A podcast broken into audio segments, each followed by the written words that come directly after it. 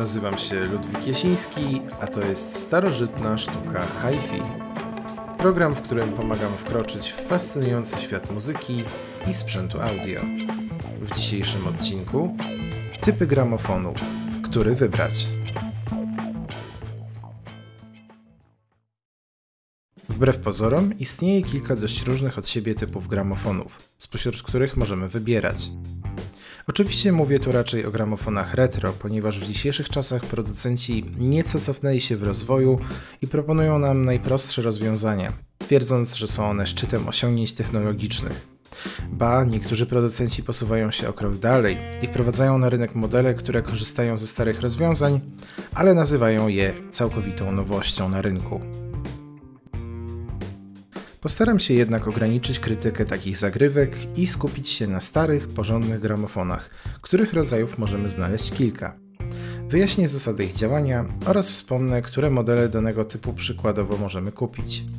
Zacznijmy od podziału ze względu na rodzaj napędu talerza, na którym leżą nasze płyty. Najprostszym i zarazem najbardziej klasycznym typem jest gramofon z napędem paskowym to najpewniej o takim sprzęcie myślimy w pierwszej kolejności, kiedy słyszymy słowo gramofon. Takie gramofony na rynku wtórnym są najtańsze, ale również potrzebują najbardziej dogłębnego przeglądu, jeśli oczywiście nie zostały już wcześniej naprawione przez sprzedawcę.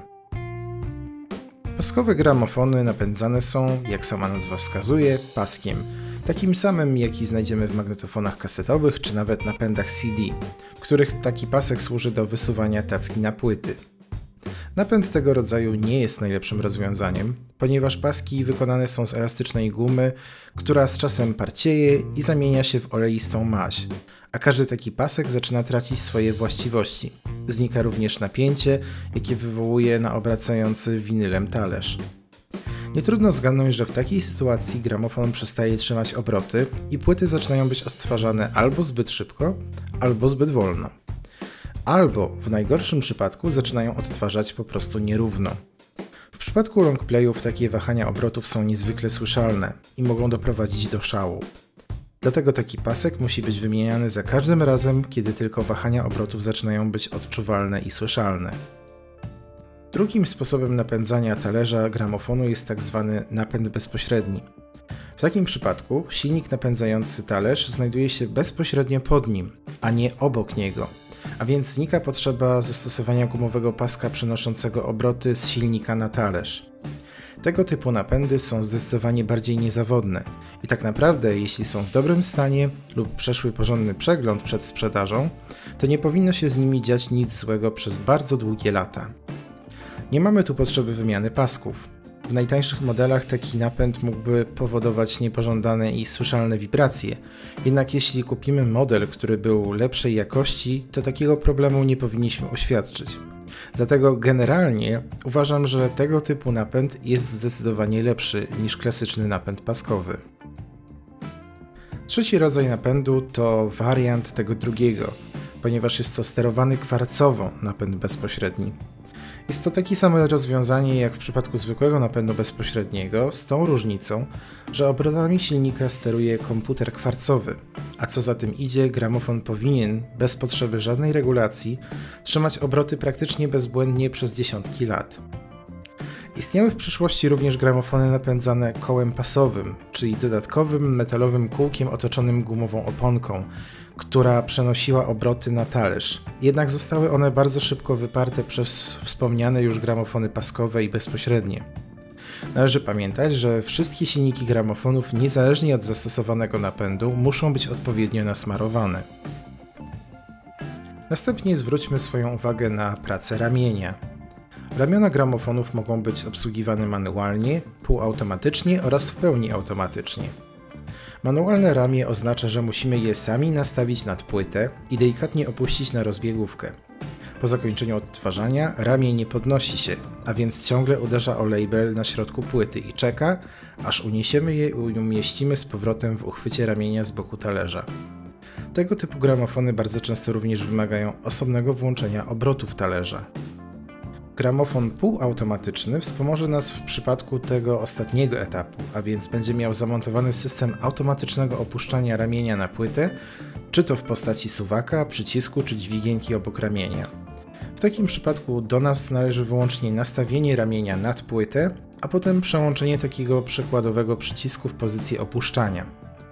W wielu takich gramofonach po dojściu do końca płyty ramię podnosi się samo i czeka aż wrócimy nim w pozycję neutralną. Zdarza się, że w niektórych takich modelach po uwolnieniu ramienia z uchwytu talerz sam rusza i zatrzymuje się po umieszczeniu ramienia w uchwycie. Gramofon w pełni automatyczny to taki, który możemy obsługiwać bez dotykania ramienia. Wciskamy przycisk Start i gramofon sam ustawia ramię nad płytą, sam uruchamia talerz, sam opuszcza i sam podnosi ramię w odpowiednich momentach. Takie gramofony bardzo często posiadają system czujników, które wykrywają rozmiar płyty. A więc jeżeli położymy na przykład 7-calowego singla, to ramię nie opadnie na pusty talerz, tylko w odpowiednim miejscu tam, gdzie zaczyna się taki singiel, ponieważ sprawdzi sobie takimi czujnikami rozmiar płyty i dostosuje do niego pracę ramienia.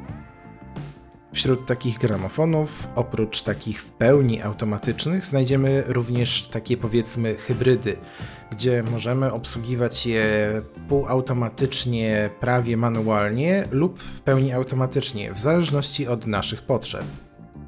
Istnieją również gramofony z tak zwanym ramieniem tangencjalnym, tudzież liniowym.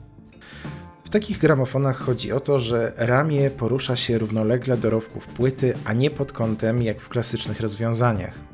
Takie ramię jest również najczęściej przymocowane na ruchomej szynie do pokrywy gramofonu, co pozwala zdecydowanie polepszyć sztywność całej konstrukcji, zmniejszając tym samym wibracje. Większość gramofonów tangencjalnych może również odtwarzać w pionie, ponieważ płyta jest dociskana do talerza dociskiem zintegrowanym z pokrywą. Konstrukcja gramofonów liniowych i automatycznych z lat 80. pozwoliła na montaż wielu zaskakujących funkcji, które do dziś można uznać za iście futurystyczne i w nowo produkowanych gramofonach wręcz niespotykane. Niektóre modele potrafiły powtarzać odtwarzanie danej strony płyty winylowej dzięki funkcji repeat. Inne miały zamontowany specjalny laser na ramieniu rozpoznający początek i koniec ścieżek między rowkami – co z kolei pozwalało użytkownikom zaprogramować, których utworów chcą słuchać i to w jakiej kolejności. Tak, dobrze słyszycie, gramofony z programowaniem jak na płycie CD lub cyfrowej playliście. Taki laser pozwalał również na wykrywanie rozmiaru płyty i automatyczne dostosowywanie prędkości talerza. Dodatkowo, odtwarzanie w pionie pozwalało na stworzenie modeli specjalnie do tego przystosowanych, aby zajmowały jak najmniej miejsca. Oprócz tego istniały gramofony z wysuwaną szufladą, jak w kompakcie, z pilotem zdalnego sterowania oraz takie, które pozwalały odtwarzać płytę bez konieczności przewracania jej na drugą stronę. Mogliśmy nawet w niektórych modelach wybrać, która strona ma aktualnie być odtwarzana. Żeby było zabawniej, wszystkie te wymienione przeze mnie przed chwilą funkcje pojawiły się albo właśnie w latach 80., jak już wspominałem, albo nawet w latach 70. Ostatnim podziałem, jaki zastosuję, będzie sposób mocowania wkładki gramofonowej, do której wkładamy igłę. Tutaj możemy rozróżnić dwa rodzaje: wkładki klasyczne oraz stworzone w systemie T4P. Klasyczne mocowanie wkładki wymaga od nas podłączenia czterech bardzo cienkich i łatwych do uszkodzenia przewodów do styków na wkładce oraz późniejszej kalibracji. System T4P opracowany przez Technicsa w latach 80. znacznie ułatwia wymianę wkładki, ponieważ wystarczy odkręcić jedną śrubkę, wyjąć wkładkę, włożyć nową wkładkę i dokręcić tą śrubkę z powrotem. Nie potrzeba również nic kalibrować. Niestety, jakkolwiek kiedyś system ten był bardzo popularny i wielu producentów produkowało tego typu wkładki, to dzisiaj T4P odeszło nieco w zapomnienie. Nigdy tego nie rozumiałem, ponieważ wkładki T4P znacznie ułatwiają eksperymentowanie z brzmieniem, ponieważ możemy w szybki i prosty sposób wymieniać wkładki od różnych producentów i sprawdzać, jaką sygnaturę brzmienia dany producent wybrał dla gramofonu. Wybór naprawdę był duży, ponieważ swego czasu wkładki T4P produkowali tacy giganci jak Audio-Technica, Sony, Ortofon, Shure, Pickering, Stanton, Sansui, Sanyo, Samsung, Grado, Pionier czy JVC. Obecnie takie wkładki produkuje zaledwie Audio-Technica, Ortofon oraz Grado. A pozostałe firmy niestety się z tego wycofały. Współcześnie możemy również wymienić dodatkowe dwa rodzaje gramofonów. Takie z wbudowaną transmisją Bluetooth i wyjściem line do digitalizacji płyt oraz takie z wbudowanym wzmacniaczem gramofonowym, dzięki czemu nie musimy posiadać odpowiedniego wzmacniacza lub przedwzmacniacza w naszym sprzęcie.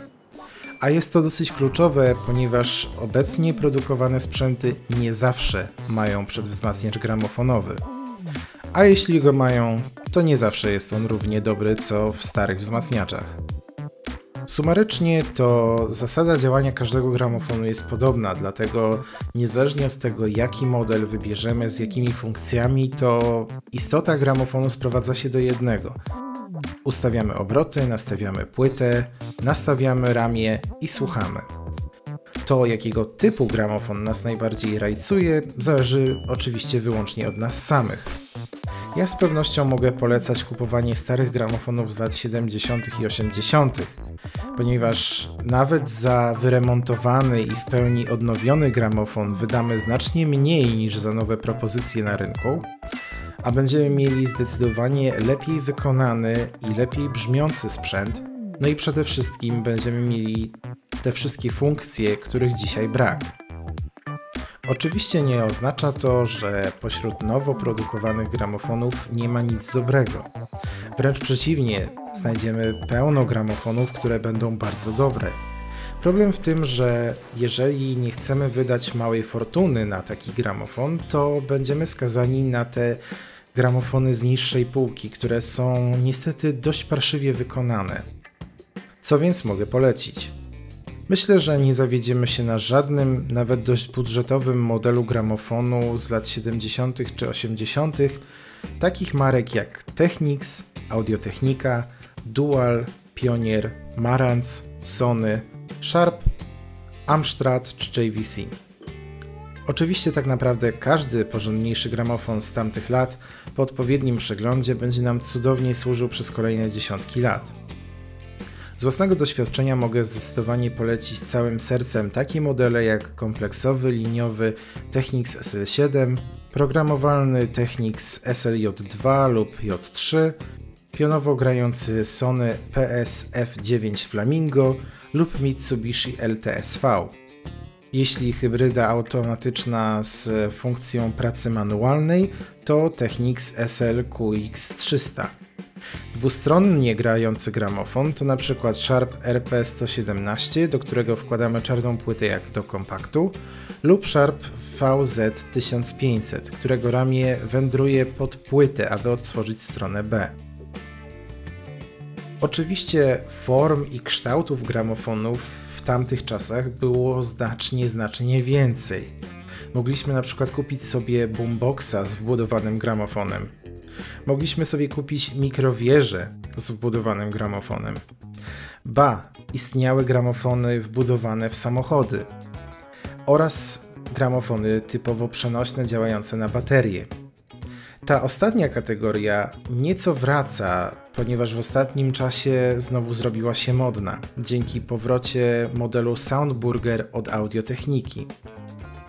Oczywiście wymieniać mogę tak w nieskończoność, ale warto zapamiętać moje uwagi z dzisiejszego odcinka i zastanowić się, czego tak naprawdę my oczekujemy od naszego gramofonu. Czy całkowitej bezobsługowości, czy jak najbardziej analogowego doświadczenia.